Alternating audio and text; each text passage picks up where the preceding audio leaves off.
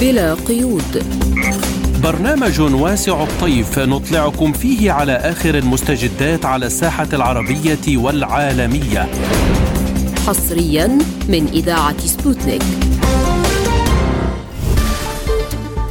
ومن استديوهات إذاعة سبوتنيك في موسكو نرحب بكم مستمعينا في هذه الحلقة الجديدة من برنامج بلا قيود. معي أنا فرح قادري. وأنا عماد الطفيلي والبداية بأبرز العناوين. لأول مرة في تاريخ الولايات المتحدة الأمريكية مجلس النواب يعزل رئيسه كيفن ميكارثي. وزير المالية الجزائري الأسبق يعتبر سياسة العقوبات الغربية دافعا قويا لنجاح البريكس تواصل أزمة الفراغ الرئاسي في لبنان. النائب العام الليبي يطلب نجلاء المنقوش للمحاكمة.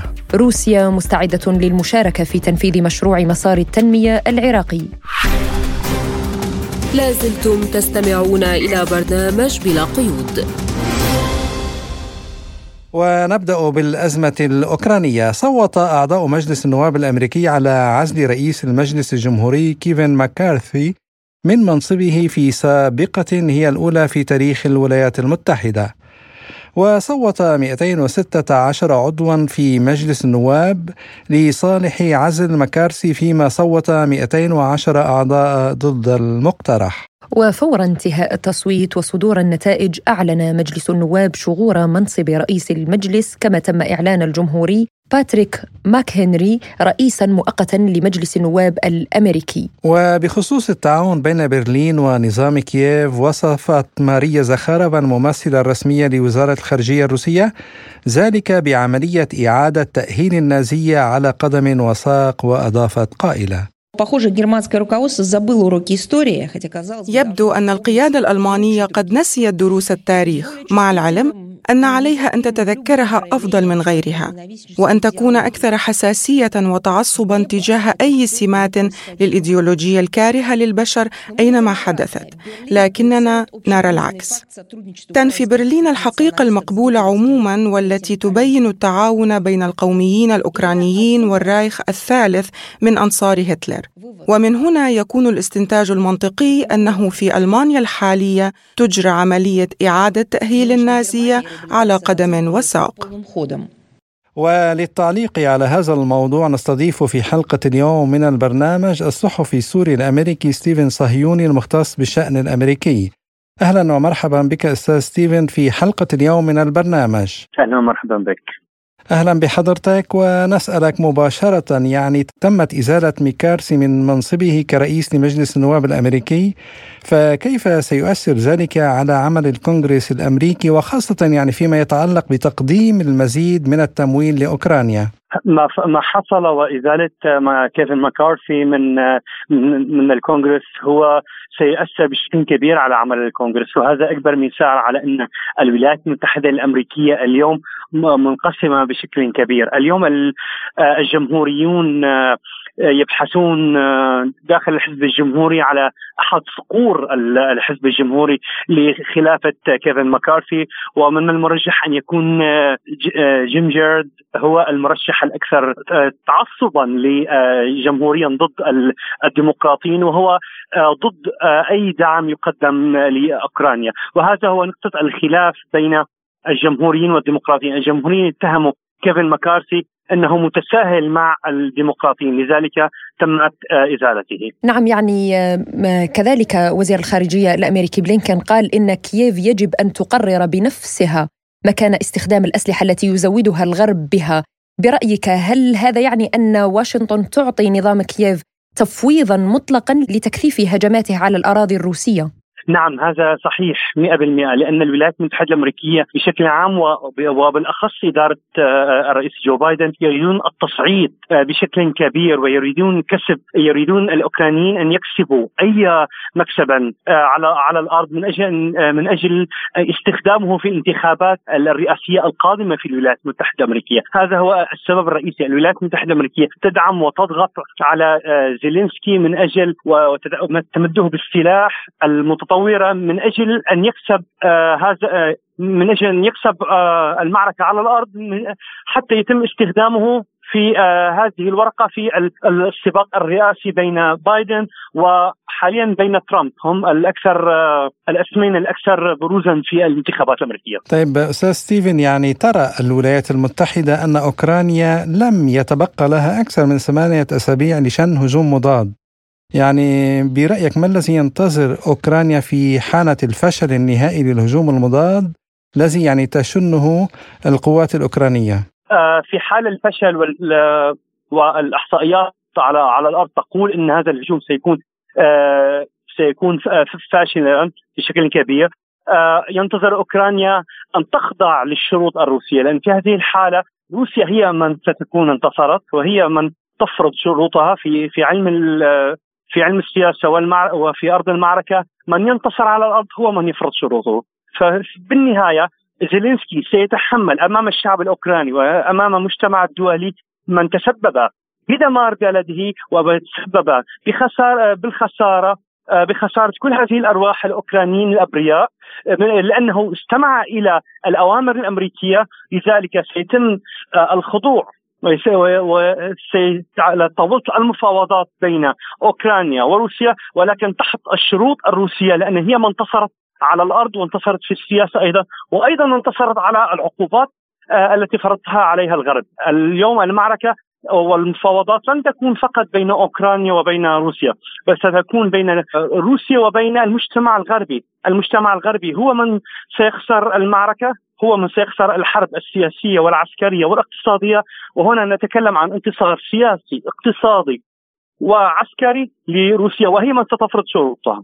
نعم يعني بالحديث عن انتصار آه، روسيا وإمكانية تحقيقه على آه، أرض الواقع، رئيس المجلس الأوروبي شارل ميشيل قال إن أوكرانيا ستنضم إلى الاتحاد الأوروبي بحلول 2030 برأيك هل هذا أيضا اعتراف صريح؟ مستقبلي لحتمية انتصار روسيا أو ربما آه، إطالة أمد الصراع إلى ذلك الحين 2030 آه، الأمريكيين آه، يدفعون إلغاء الأوروبيين وحلفائهم من أجل إطالة الصراع. اليوم الصراع يحصل في أوروبا وليس في الولايات المتحدة الأمريكية. من يتأثر بهذا الصراع هو المواطن الأوروبي وليس المواطن الأمريكي. الآثار الجانبية لهذا الصراع على المواطن الأمريكي ضئيلة كثيرا. ولكن المجتمع الحكومات الأوروبية لا لا تفهم هذا الكلام تأخذ فقط الأوامر الأمريكية. ونعم لهذا يريدون اطاله امد آه، الحرب. وفي الوقت ذاته ال plan آه، الخطة الثانية وهي من أجل آه، الوضوع خطة ثانية وهي انتصار روسيا.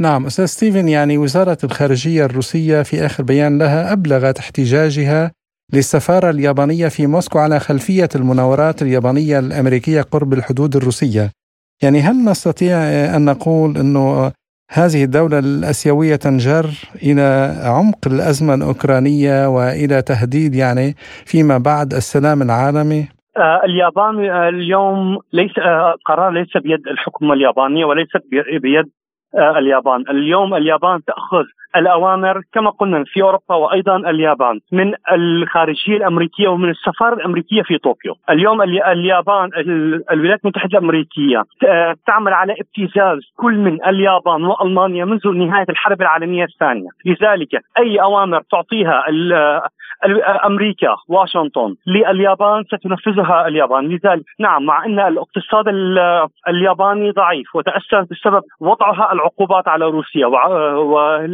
من المفترض سياسيا أن اليابان تكون على علاقة جيدة مع روسيا للقرب لأنها دولة جوار مع اليابان، ولكن كما قلنا تأخذ الأوامر وامريكا تعمل على ابتزاز اليابان والضغط على اليابان. بالرغم من الأزمة الاقتصادية والعملة اليابانية في أدنى مستوياتها ولكن اليابان اليوم تنجر وراء العقوبات من أجل فرض عقوبات على روسيا كما كما كوريا كما تايوان وعدد من دول جنوب شرق آسيا التي تميل إلى المعسكر الأمريكي. نعم يعني بحديثك عن العقوبات مواصلة اليابان سياسة العقوبات والضغط على روسيا التي كانت قد تستفيد منها أكثر كونها يعني آه، تربطها حدود معها آه، برأيك ما هي العواقب التي قد تترتب على مثل هذه التصرفات من جانب طوكيو؟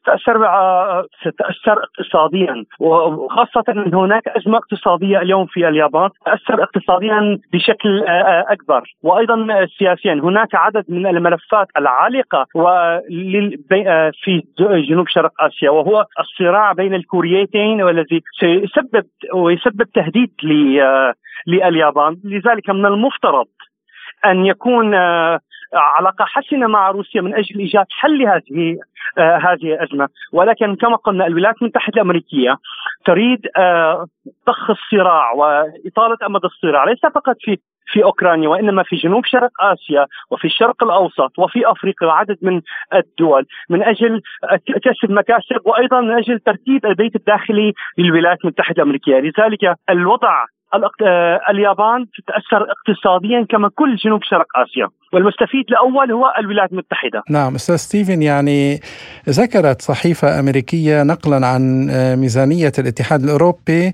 يعني إن انضمام أوكرانيا إلى الاتحاد الأوروبي سيعطي كييف حق الحصول على حوالي 186 مليار يورو خلال سبع سنوات. اولا يعني أنا يعني هذا مزيد من آه، سوء الأوضاع الاقتصادية للشعب الأوروبي ويعني وألا يكفي ما قدم لهذه الدولة برأيك؟ آه، برأيي نعم آه، سبب في حال حصلت أوكرانيا على هذه الأموال وأرى هذا الأمر مستبعد في حال دخول آه، الجمهوريين واستلامهم صقور الحزب الجمهوري لاستلامهم آه، الكونغرس الأمريكي وفوز بالإضافة إلى فوز الرئيس آه، الأسبق دونالد ترامب بسده الرئاسة مرة أخرى. ستنقطع كل الإمدادات عن عن أوكرانيا إن كانت من الولايات المتحدة الأمريكية أو من أوروبا لأن ترامب يعتبر زيلينسكي عدوه الأول والأخير لأنه زيلينسكي هو من تسبب في أزمة ترامب وعزل ترامب والمحاكمة التي يمر بها وخاصة لأنه طلب مساعدة مساعدة زيلينسكي على فضائح ضد بايدن. لذلك آه، في حال فوز ترامب سيوقف كل التمويل من أي دولة في العالم لأوكرانيا ولن يسمح ولا حتى لأموال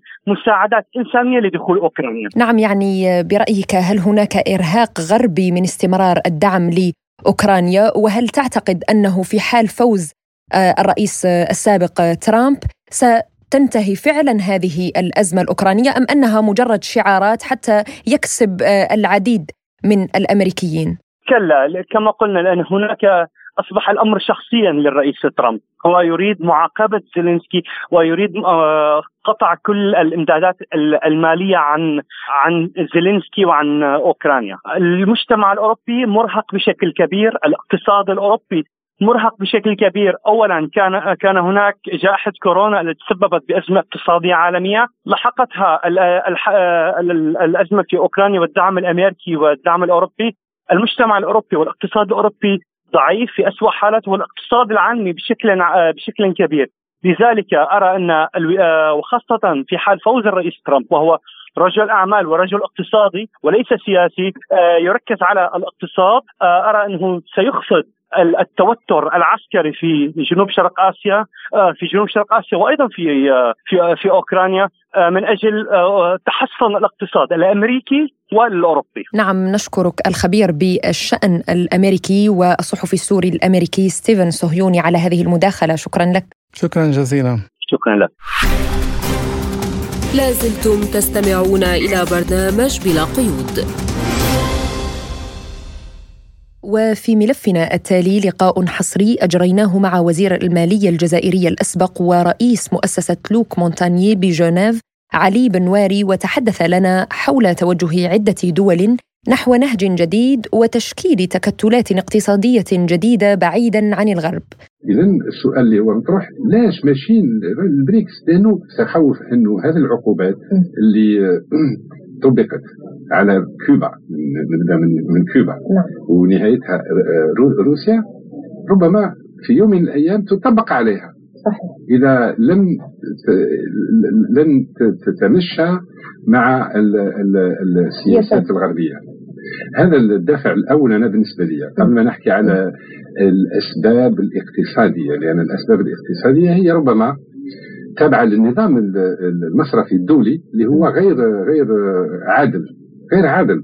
لأنه شوفي مثلا صندوق النقد الدولي.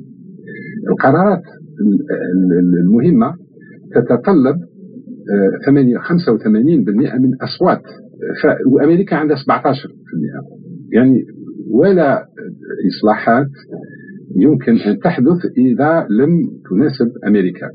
كما أوضح الوزير بنواري أنه لو تم السماح بتغيير عملة النفط من الدولار الأمريكي إلى عملة النقد الدولي لكان الوضع تغير كثيرا وبات قوة صاعدة. قبل هذا الحل فيه سياسة التبادل بالعملات الوطنية. نعم. هذه اللي بدات يعني. حتى شاهدنا أن المملكة السعودية فيها النفط والغاز بالعملة الهندية والصينية كذلك. والصينية. نعم. فهذا يعني دوافع من دوافع اقتصادية فقط. الشراكه هي آه، دافع من جملة الدوافع الأخرى. التبادل بالعملات الوطنية عندها آه، يعني ليميت عندها حدود عندها لأن نبيع لك بالروبل وتبيعي اليوان الصيني مثلا أو الدينار الجزائري الحدود هي نفس الحدود اللي نجدها مع الدولار الأمريكي. إذا عندي مثلا بعت لك أكثر بالعملة تابعي مثلا مما أشتري منك. فشو رايح يحصل؟ إذا العملة اللي أنا creditor فيها ارتفعت ارتفعت قيمتها فالمسال رايح ينضر منها فكيف نحل هذا المشكل؟ لهذا أنا تطرقت إلى عملة unit account count عملة موحدة لكن مش عملة للدفع أو عملة للاحتياط. عملة حساب حسابات.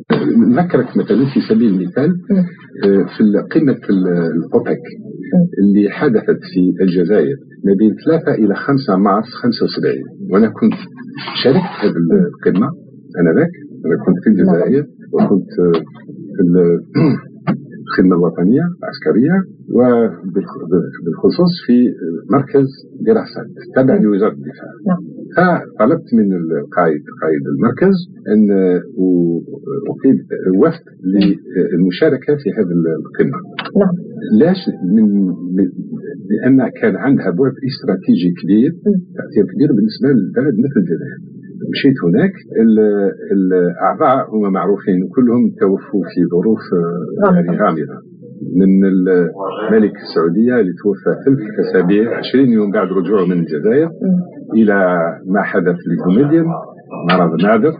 إلى ما حدث للشاه تبع إيران ما حدث إلى صدام حسين ما حدث إلى الكدافي أنا أربط هذا الحدث ولو انه هذا المشروع المشروع الأساسي اللي هو كان رقم واحد في الأجندة تغيير أو العملة عملة النفط الدولار إلى إلى ال SDR.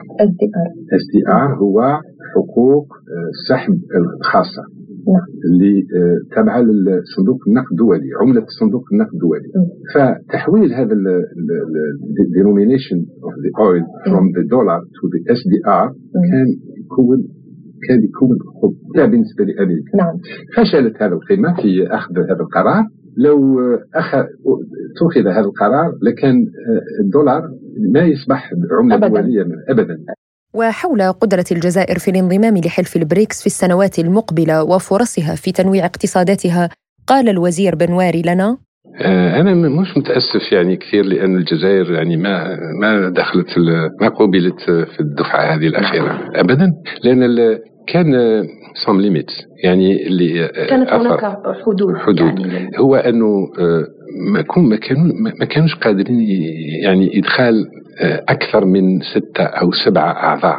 ليش؟ خمسة يعني عندهم كونوا قوة ويعرفوا بعضهم بعضا فكان يعني في كان في احتمال يعني أنه عدد الأعضاء الجدد لا يتجاوز خمسة أو ستة. فالمشكل اللي طرح هو من هي هذه البلدان اللي تدخل في في الدولة الدفعة الدفعة الأولى؟ فكان لابد أن نختار. الادخال أو قبول المملكة السعودية وإيران والإمارات ما فيه شك. اوبك بلس هذا يقوي من يعني يقوي كثير كثير كثير البريكس مجموعة البريكس. الارجنتينا ارجنتينا هي البرازيل حبت دولة ثانية من أمريكا اللاتينية. إثيوبيا هي جنوب إفريقيا وكذلك مصر مصر لا نقاش فيه كذلك لأنه مصر.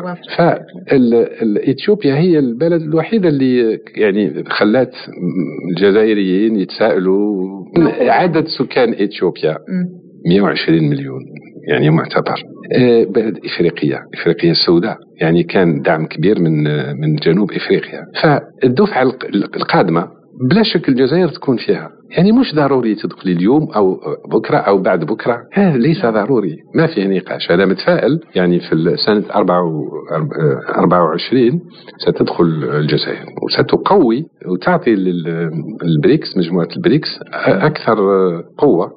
وعن الصعوبات التي تواجه تكتل بريكس قال الوزير علي بن واري لسبوتنيك أنا أخشى فقط أنه أسباب يعني تكون فيه نزاعات أو عدم موقف توافقي فيما يخص مثلا أزمة أوكرانيا أو في بعض المسائل ذات الطابع السياسي أو الإيديولوجي. لأنه المملكة السعودية أو الإمارات أو حتى مصر أو يعني معروفين أنه مش منتميين للحلف الروسي. الشيء اللي هو يخلينا نكون متفائلين أن كل هذه البلدان غير غير منحازة يعني حيادية بالنسبة للجانب السياسي وال... يعني ما في تخوف كبير ربما في بعض ال...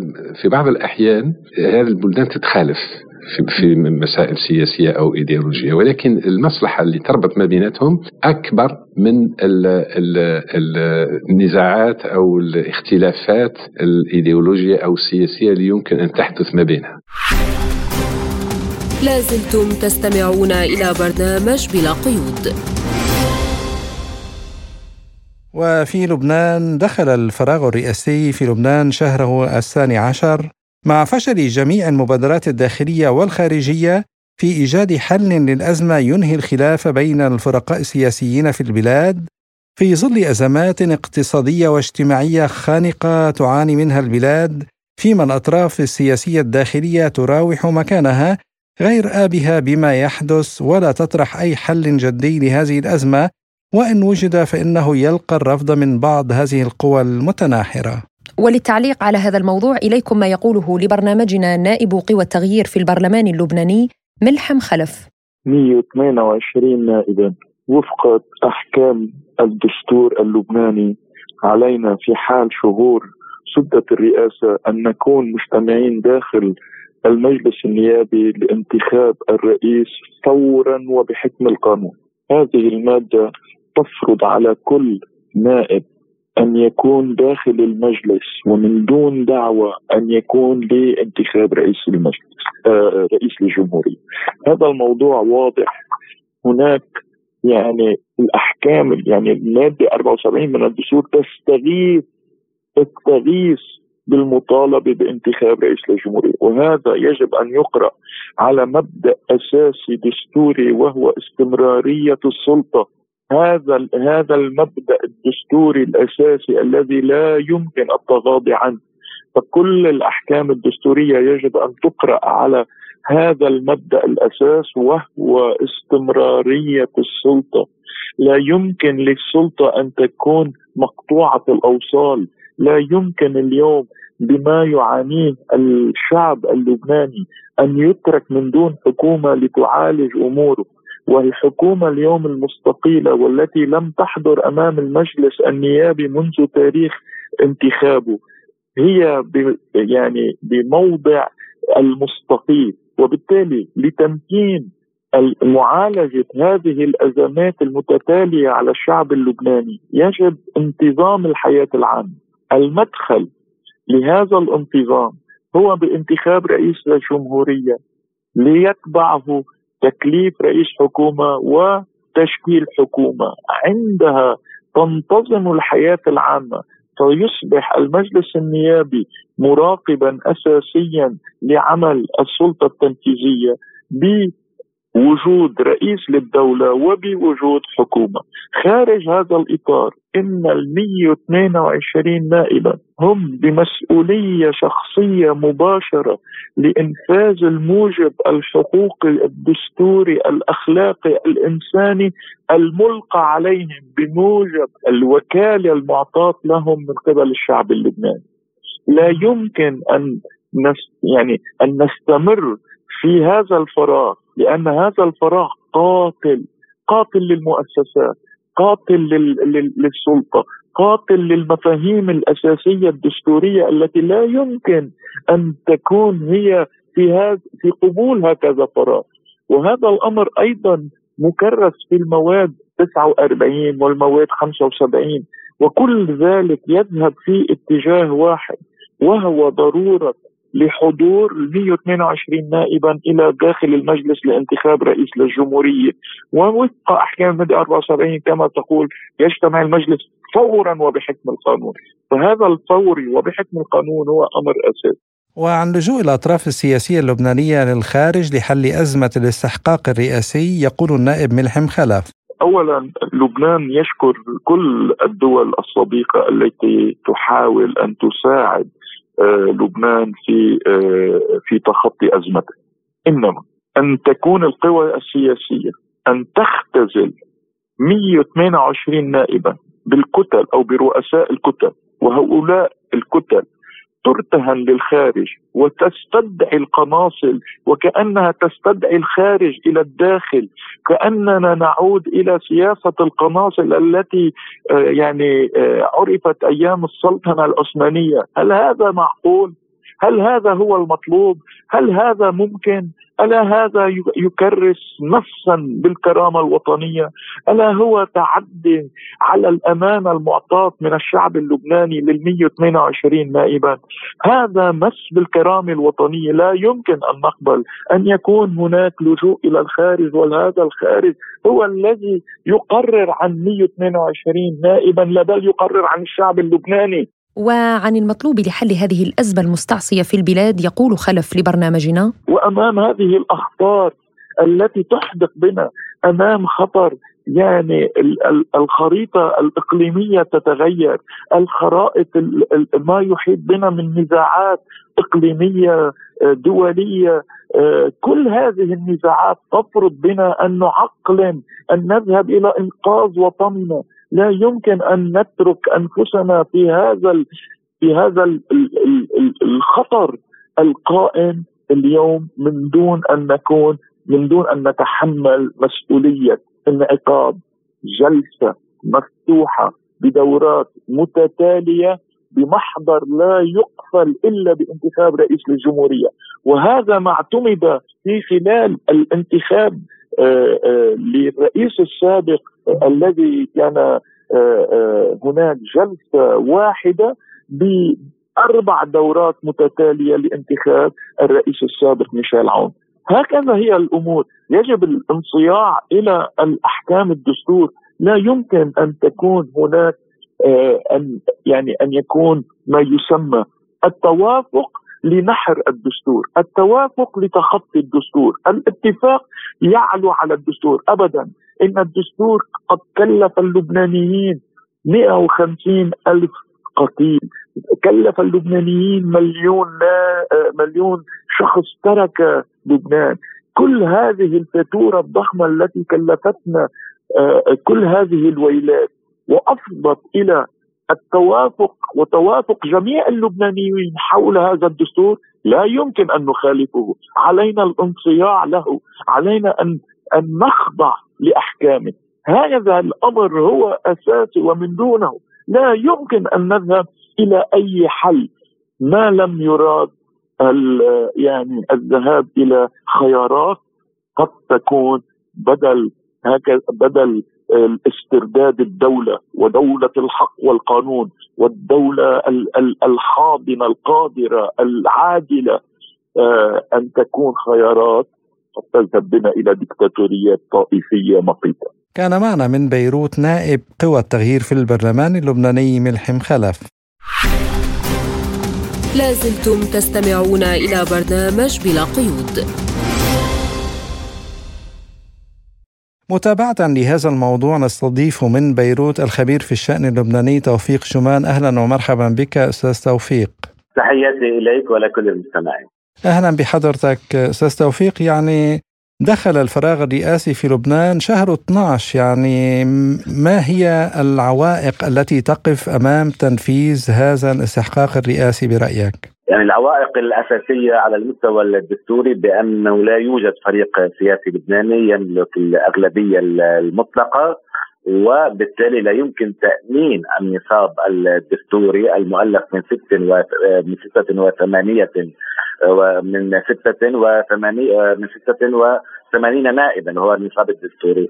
هذه لا يستطيع أحد تأمينها. لكن يبقى المسألة الأخرى أعتقد آه، المرتبطة أيضا بالتوافقات الإقليمية. آه، كان هناك فرصة أساسية للقوى السياسية اللبنانية أن آه، يعني أن تنجز الانتخاب الرئاسي قبل قبل نهاية ولاية الرئيس ميشيل عون في تشرين الأول أكتوبر الماضي. ولكن نتيجة التنازع أنا أعتقد بانه المفاتيح الأساسية أصبحت في الخارج، لذلك الآن آه، أظن بانه مختلف القوى السياسية اللبنانية بدأت تربط هذا الاستحقاق المحلي بالتوافقات الخارجية، لكن يبقى مسألة أساسية أيضا وهي العنصر الثالث أو الركيزه الثالثه تتعلق بالصراع السياسي في لبنان وبالتالي وجه لبنان ودور آه، ودور لبنان إن كان على المستوى الوطني المحلي وإن أيضا على المستوى الإقليمي، هذه الركائز الثلاث هي التي تشكل العوائق الأساسية للحقول دون انتخاب رئيس للجمهورية. نعم يعني نحن نقترب من مرور خمس سنوات على خروج اللبنانيين إلى الشارع للمطالبة بالتغيير وتغيير الأوضاع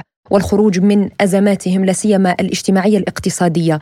برأيك لماذا لم تستطع الأطراف الداخلية الاتفاق فيما بينها دون اللجوء إلى أطراف خارجية ربما تزيد من الوضع سوءا في الداخل اللبناني؟ يعني هذه متعلقة بالقراءات السياسية اللبنانية سيدتي للأسف معظم أو غالبية الأطراف اللبنانية تراهن على صداقات وتحالفات خارجية. لكن بما يتع وهذا حقيقة يعني منذ العام 1975 ساعة اندلاع آه، الحرب الأهلية في لبنان. كان هناك فريقان أساسيان في لبنان لهما تحالفاتهم في الخارج. لكن على المستوى الانهيار الاقتصادي وهو انهيار سياسي ولكن قبلهما هو انهيار أخلاقي وهو الذي أدى إلى الانهيارين اللاحقين وأقصد الانهيار السياسي والانهيار الاقتصادي سبقهما الانهيار الأخلاقي.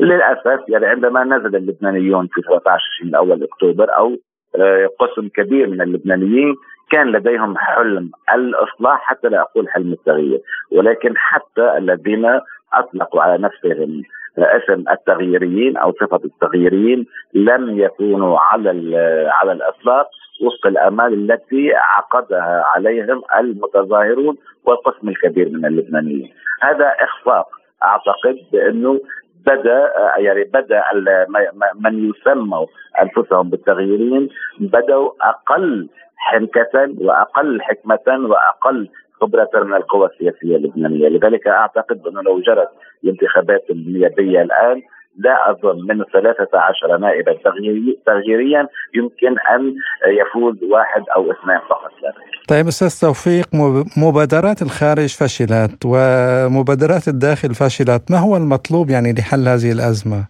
مطلوب حوار لبناني وأعتقد انه كان هناك فرصة لهذا الحوار وتم نسفه وتم وتم إجهاضه. وأظن إنه حتى لو تم انتخاب رئيس الجمهورية الآن وحتى لو تم في لو تم توافق أيضا على شخصية سياسية كما يقال شخصية من الفريق الثالث بمعنى لا تنتمي إلى أحد المحورين أو الفريقين أو الطرفين لا يمكن لرئيس الجمهورية أن يحكم إلا ضمن قواعد وطنية محددة وضمن برنامج وطني محدد مسبقا وهذا يعني قبل انتخابات قبل انتخابات رئاسة الجمهورية اللبنانيون بحاجة لحوار وبعد انتخابات رئاسة الجمهورية اللبنانيون بحاجة للحوار ولكن تأجيل الحوار إلى أجال غير محدده وغير مقيدة أنا برأيي هذا يدفع البلاد إلى مزيد من الانهيارات والانزلاقات. يعني هل تعتبر ان الأطراف في ظل ما يحدث اليوم في لبنان وفي ظل ما يحدث في المنطقة بشكل عام قد يصلون إلى حل ولو وسط يرضي الجميع دعني أقول؟ لا لا لا يوجد حقيقة وأقولها للأسف وأنا من وأنا منذ ما قبل ولاية انتهاء ولاية الرئيس ميشيل العود كان هناك تعويلات ورهانات آه، وتقديرات كثيرة كانت تقول إنه بعد شهر من انتهاء الولاية وآخر سنة العام 2022 بعد ذلك في بداية الشتاء بعد ذلك في الربيع لا أنا كنت أقول بأنه طالما الحوار اللبناني غائب وطالما أن المائدة المستديرة غير منعقدة فلا يمكن أن يتوافق اللبنانيون أو ينجح اللبنانيون بانتخاب رئيس، الآن هنا ليس هناك أي معطى على الإطلاق لاحتمال التوافق، لذلك اجزم بأن الأزمة مستمرة وقد تمتد هذه الأزمة إلى بداية السنة المقبلة أيضا. طيب سؤال اخير أستاذ توفيق يعني لماذا رفضت مبادرة الحوار التي طرحها رئيس مجلس النواب؟ هل الكيديه السياسيه وراء ذلك؟ هو هذه واحد على أي حال من الركائز التي كان يعني يمكن أن يعني التاكيد عليها في الإجابة الأولى، نعم في لبنان الآن هناك نوع من النكد السياسي وبالتالي أي موقف سياسي يطلق من طرف حتى لو كان هذا الطرف صائبا بموقفه يرفض من الطرف الآخر، والآن يعني إذا حدثك سميت نكد سياسي أو نكايات سياسية ولكن للأسف السياسة في لبنان غائبة. لا يوجد نكد سياسي إما فعل سياسي يعني بالتالي يذهب باتجاه على بناء الدولة والإصلاح السياسي والاقتصادي وأما تكون السياسة الغائبة. للأسف الآن السياسة غائبة النكد وحده موجود والنكايات وحدها موجودة والبحث عن الانتصارات الوهمية وحده الموجود أيضا. نعم نشكرك الخبير في الشأن اللبناني الأستاذ توفيق شومان على هذه المداخلة القيمة. شكرا لك كنت معنا من بيروت. شكرا جزيلا شكرا سيدة فرح شكرا شكرا سيدة فرح شكرا أيضا سيدة إيمان لازلتم تستمعون إلى برنامج بلا قيود. وفي ليبيا أمر النائب العام الليبي المستشار الصديق الصور باستدعاء وزيرة الخارجية السابقة لحكومة الوحدة الوطنية الليبية نجلاء المنقوش إلى المحكمة على خلفية لقائها الأخير بنظيرها الإسرائيلي إيلي كوهين في إيطاليا في الثاني والعشرين من شهر أغسطس آب الماضي. وشدد الصور على أن التحقيق في قضية المنقوش لم ينتهي بعد كما طلب تقريرا من المخابرات وإجراءات أخرى في هذه القضية وطلب نتائج التحقيق الإداري. في الوقت نفسه دعا المدعي العام إلى الامتناع عن تسييس بعض الإجراءات القانونية في سياق الانقسام القائم بالفعل في ليبيا.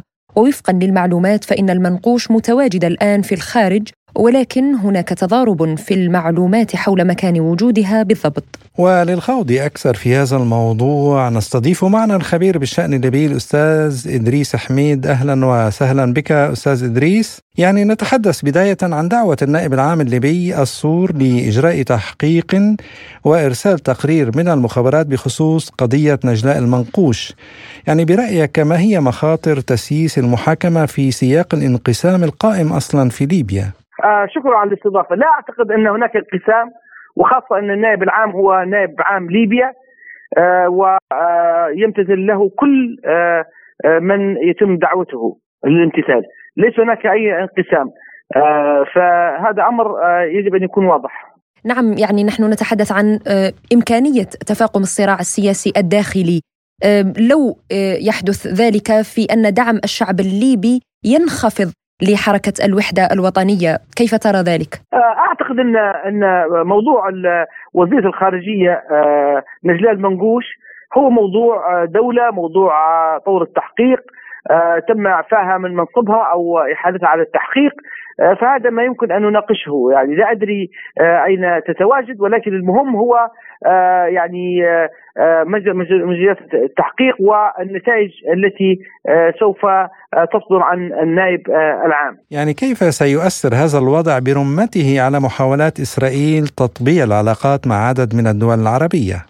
نعم هو المشهد السياسي في ليبيا مشهد فوضوي مشهد عدم استقرار كما تعلمون حكومتين حكومة الوحدة الوطنية انتهت صلاحيتها منذ منذ 2021 ولكنها تعترف بها بعض الدول أو يعترف بها المجتمع الدولي في إطار عدم اهتمامه بليبيا، لذلك أعتقد أن الانقسام هو موجود بسبب يعني هذا الصراع السياسي وبسبب يعني الفوضى التي أدخلت فيها ليبيا وأيضا غياب غياب الضغط الشعبي وغياب الشارع الليبي. كما نعلم أن الانتخابات التي كانت مفترض أن تتم في 24 ديسمبر 2012 تم التدخل فيها من قبل الولايات المتحدة الأمريكية وبريطانيا آه، وهم يدعوا أنهم آه، يريدون الاستقرار ليبيا. لذلك يجب أن يكون واضح أن استقرار ليبيا يأتي من خلال آه، أهلها ومن خلال شعبها ومن خلال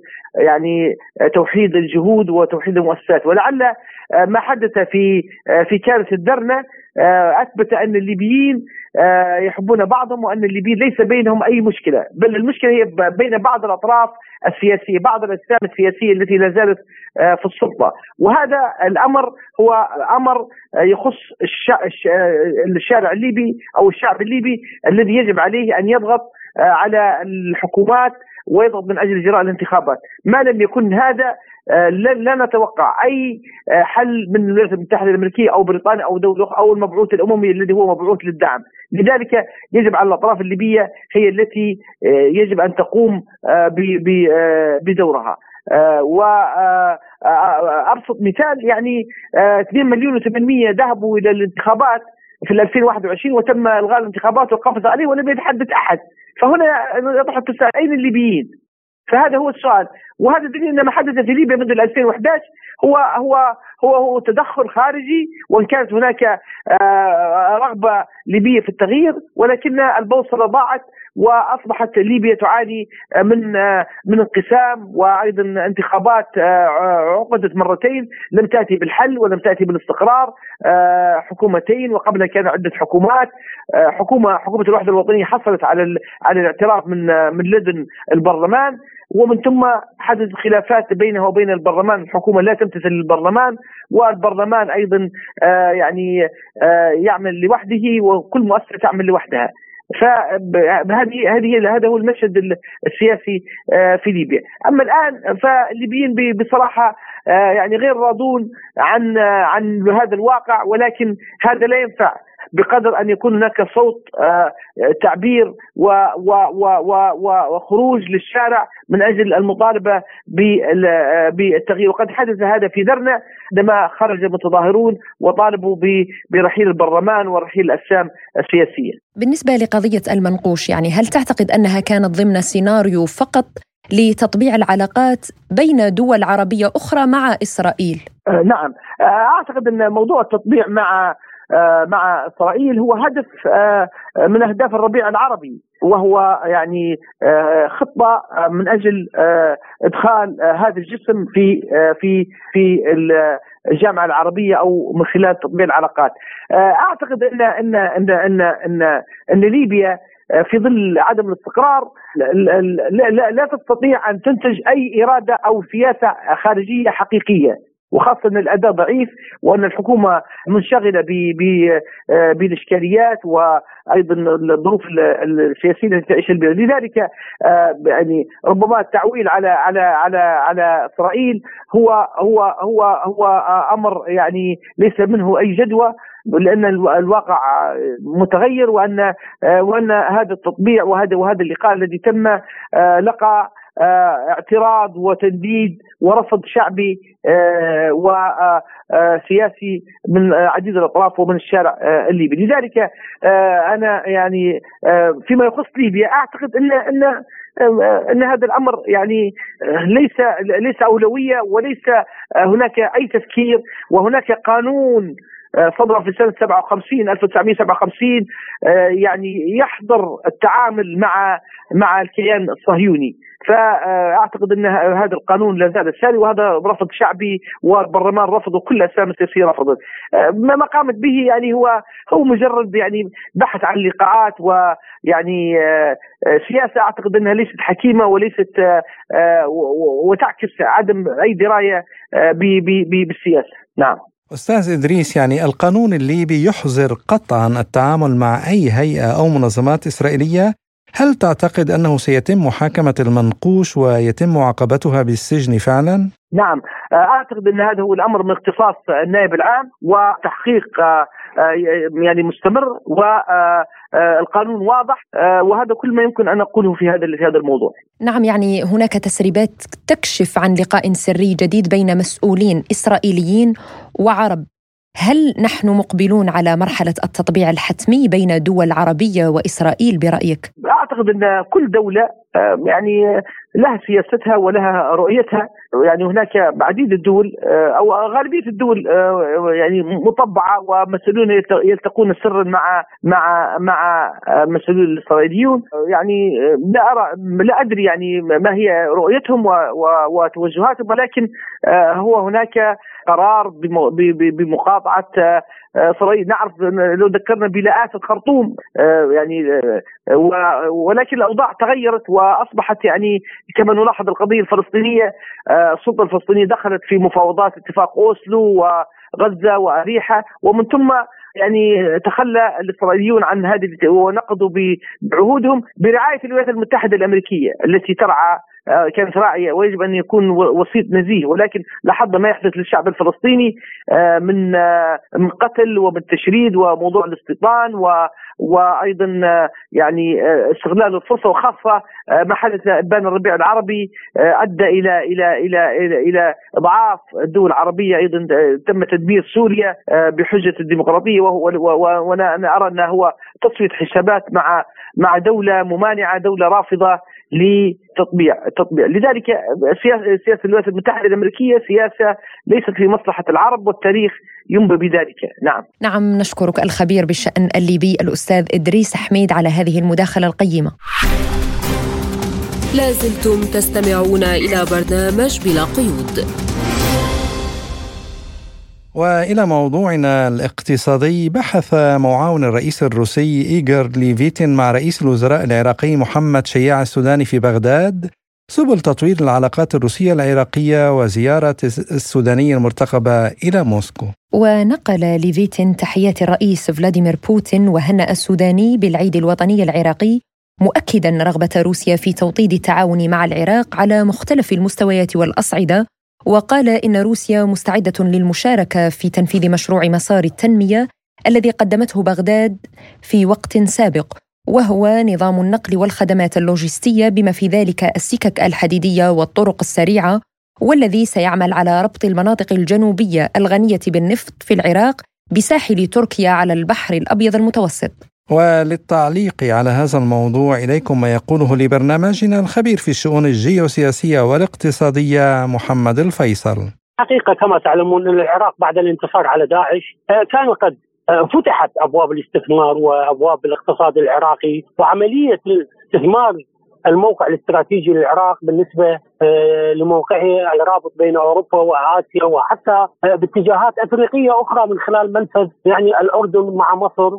وباتجاه العمق الأفريقي أو الشمال الأفريقي بالمحصلة بالنهاية العراق اليوم ساحة استثمار وسوق يعني آه، مشجع وكبير لعملية الدخول في شراكات اقتصادية كبيرة مع العراق، ناهيك على أن الاستقرار السياسي العراقي يشجع كبيرا أو كثيرا العفو على آه، الدخول في شراكات وفي مشاريع استراتيجية، من أهم هذه المشاريع كما تعلمون هو مشروع الربط السككي ومشروع ربط الطريق الربط الدولي هذا طريق التنمية. وفتحت أيضا أبواب الاستثمار لجميع الشركات الرصينة والعالمية والدول العالمية.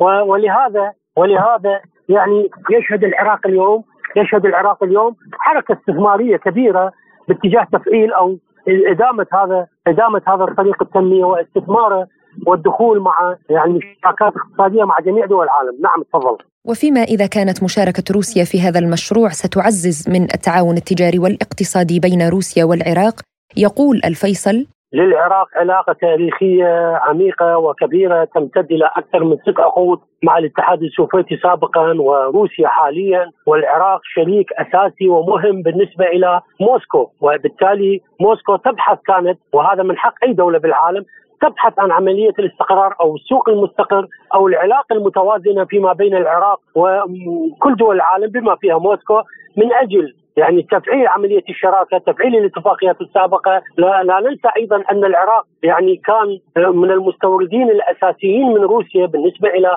الأسلحة وبالنسبة إلى يعني مختلف البضائع الأخرى. وهذا يعني هناك حنين من قبل الطرفين بين بغداد وموسكو لأجل إعادة إحياء هذه العلاقة، إحياء تلك الاتفاقيات وإحياء ذلك التعاون فيما بين العاصمتين. كما تعلم أن يعني لدى الشعب العراقي رضا ومقبولية كبيرة بالنسبة للتعامل مع موسكو، بالمحصله بالنهاية طريق التنميه من حق روسيا وغير روسيا أن تبحث عن فرصها في هذا الجانب وان تبحث عن يعني مجالات أوسع وأكبر للتعاون مع بغداد أو شراكات أكبر بهذا الخصوص، أيضا هناك شركات نفطية الآن تستثمر في العراق، في الجنوب العراقي في البصرة وفي غير البصرة في بعض المحافظات وبعض المناطق الأخرى، أيضا هناك نوع من التعامل بجوانب أخرى بالنسبة إلى الحنطة وغير الحنطة وتفاصيل أخرى نحن في غنى عنها، بالنهاية كما تعلم أن بوابة الدخول للعلاقات المتوازنة مع العالم مع جميع دول العالم هي البوابة الاقتصادية، شراكات المصالح العامة، مصالح شعبي روسيا وشعبي والعراق أو بين الشعوب الأخرى، من هنا نحن نشدد على أن يكون لروسيا دور كبير في السوق العراقي، دور كبير في جميع المجالات مع العراق. وعن أهمية الزيارة المرتقبة لرئيس الوزراء العراقي محمد شياع السوداني إلى موسكو قريبا يقول الفيصل. كما هو ديدا الحكومات العراقية السابقة لكن بدرجة أكبر أنا أعتقد أن السيد السوداني منفتح على العالم بأجمعه وبالتالي العراق اليوم يبحث عن شراكات متوازنة تحفظ له مصالحه وأيضا تحفظ للدول الأخرى مصالحها. وطرفي المعادلة بالنسبة لهكذا علاقات يبحثان عن أهم شيء بالشراكة وهو احترام سيادة الدول احترام احترام خصوصية النظم السياسية في تلك الدول في تلك الدول وأيضا احترام المصالح المشتركة، اعتقد الزيارة وإن تاخرت وإن تأخرت اكرر للمرة الثانية لكن هذه الزيارة سيكون لها يعني أثر ملموس وكبير بالنسبة إلى عودة المسار عودة العراق وروسيا إلى المسار الصحيح في العلاقات الاستراتيجية فيما بين الدول، العراق يبحث عن الشراكات مع الجميع، العراق يبحث عن مصالحه المتوازنة مع الجميع، وزيارة موسكو أنا برأيي الشخصي ستستثمر باتجاه توقيع اتفاقيات كبيرة ومهمة مهمة جدا لا بل حتى في العودة إلى عمليات التسليح ببعض الأسلحة المعينة. كان معنا من بغداد الخبير في الشؤون الجيوسياسية والاقتصادية محمد الفيصل. لازلتم تستمعون إلى برنامج بلا قيود.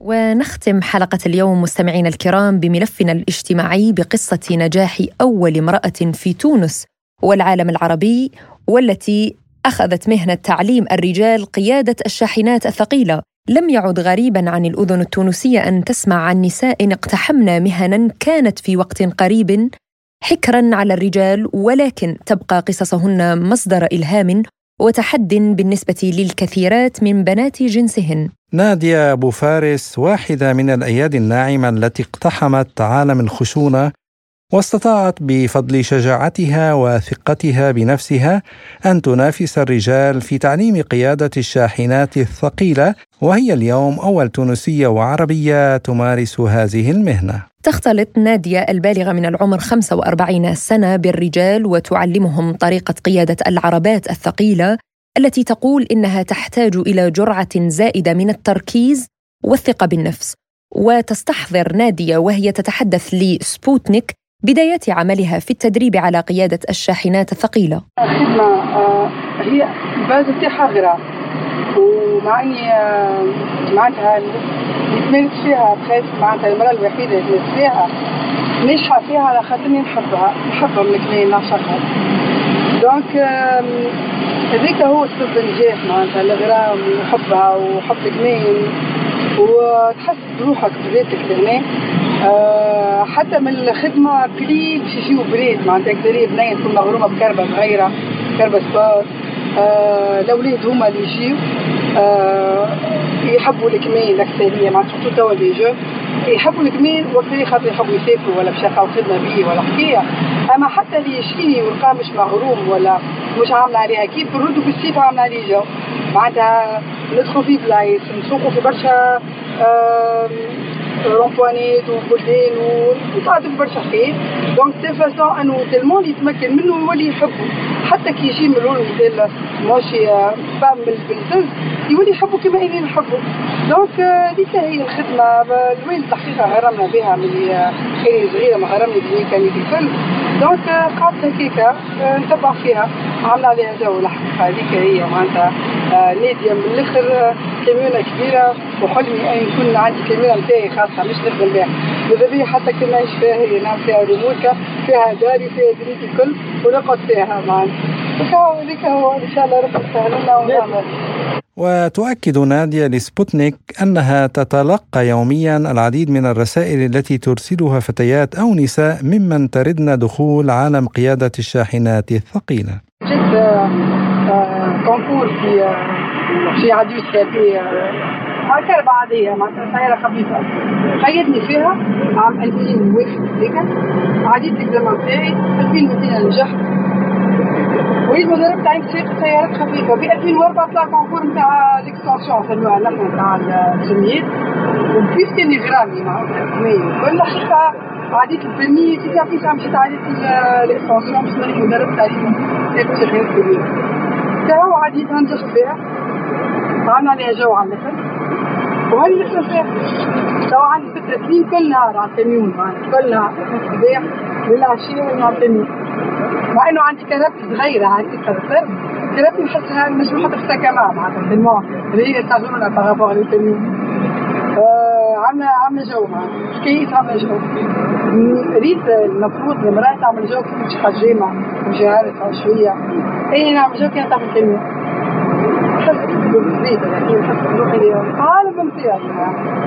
وتعتبر نادية نفسها قدوة للكثيرات من بنات جنسها ومثالا على المرأة التونسية التي لا توقفها الصعوبات ولا تحبطها نظرة المجتمع النمطية. وتقول إن والدها هو من نقل إليها الشغف بهذا المجال وشجعها على امتهانه.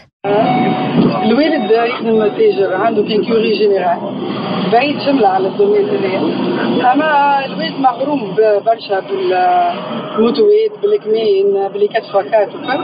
سنسنا نحن من إحنا صغار ديما كيف هو نحبوا نطيع الكبار الحقيقة هو اللي آه غرمني معناتها. بالسوقان مليني صغيرة يخليني كل شيء نجربه. كل شيء نسوقه. يشجعني هو على كل شيء معناتها أي حاجة هكيك باش نسوقها ما يخلينيش نخاف. يقول لي يلزمك تسوق يلزمك تجرب ما تخليش روحك حاجة تغلبك. فهو هذيك هي معناتها خطيبة بالدومين تاع تعيش الثقه جمله نعم فرح هذا يدل على أن المجتمع التونسي منفتح وأن النساء بدأت تقتحم يعني حتى المهن التي كانت حكرا على الرجال وهذا شيء أيضا مهم جدا لأن الحياة تتطلب أن يشارك كل أفراد المجتمع وليس الرجال فقط يعني في في هذه المسائل. ورأينا كم من مثال عن عن النساء اللاتي أصبحن رائدات في أهم المجالات ليس فقط يعني في في مجال معين حكر على الرجال. المرأة اليوم كسرت هذه الصورة النمطية التي جعلت منها امرأة في البيت فقط أو لديها وظيفة واحدة في الحياة وهي أن تكون ربة منزل. لا ممكن أن تكون المرأة في كل المجالات تبدع فيها وفي نفس الوقت تبدع كذلك في بيتها في تربيتها لأبنائها. وأساس المجتمع النساء يعني إن صلح المجت... يعني إن صلحت الأسرة والتي تقودها المرأة يصلح المجتمع. ورأينا أن النساء استطاعت أن تكون رائدات فضاء وتشارك مع الرجال في في هذه المهمة الصعبة جدا. يعني رائدة فضاء في تبتعد يعني؟ ولكن الرجال قد لا يقبلون بهذا الاقتحام ربما. لا الحياة هي تأخذ مجراها ويجب يعني أن يكون هناك مساواة في كل شيء. فلا تكتمل الحياة إلا بالجنسين ونحن مع التوعية ومع إعطاء الفرص سواء للنساء وأيضا للرجال لأن يكونوا منتجين في أوطانهم ومبدعين في مجالاتهم وليس فقط أن يعتمدوا على صورة معينة أو تقاليد ربما كانت بالية في وقت سابق. اليوم العالم مع التطور مع عصر السرعة مع عصر الاكتشافات. لما لا تكون المرأة في هذا المجال والرجل أيضا في مجال آخر. نرى أهم الطباخين في العالم هم من الرجال. نعم صح. يعني هذه مجالات ليست فقط للنساء وليست فقط للرجال. ونحيي هذه السيدة التونسية نادية التي يعني أثبتت ثقتها بنفسها واختارت قيادة الشاحنات الثقيلة. الكثير من النساء اليوم لا لا يستطعن أن يقودن سيارات بسيطة. كيف لا وأن تكون شاحنة ثقيلة؟ فهذا تحدي وقوة من هذه السيدة التونسيه. وزيادة على كلامك يعني أي امرأة تستطيع أن تقوم بعمل ما بمهارة بجدارة وطبعا بعمل شريف لما لا أمر يحسب لها نعم. إلى هنا مستمعينا الكرام تنتهي حلقة اليوم من البرنامج. كنا معكم فيها اليوم أنا عماد طفيلي. وأنا فرح قادري ويمكنكم زيارة موقعنا الإلكتروني للمزيد من البرامج والأخبار سبوتنيك dot ae. وتليجرام سبوتنيك عربي واستمعوا إلى إذاعة سبوتنيك من بيروت على موجة 93.6 وأيضا في سوريا على موجة 93.3 إلى اللقاء. إلى اللقاء.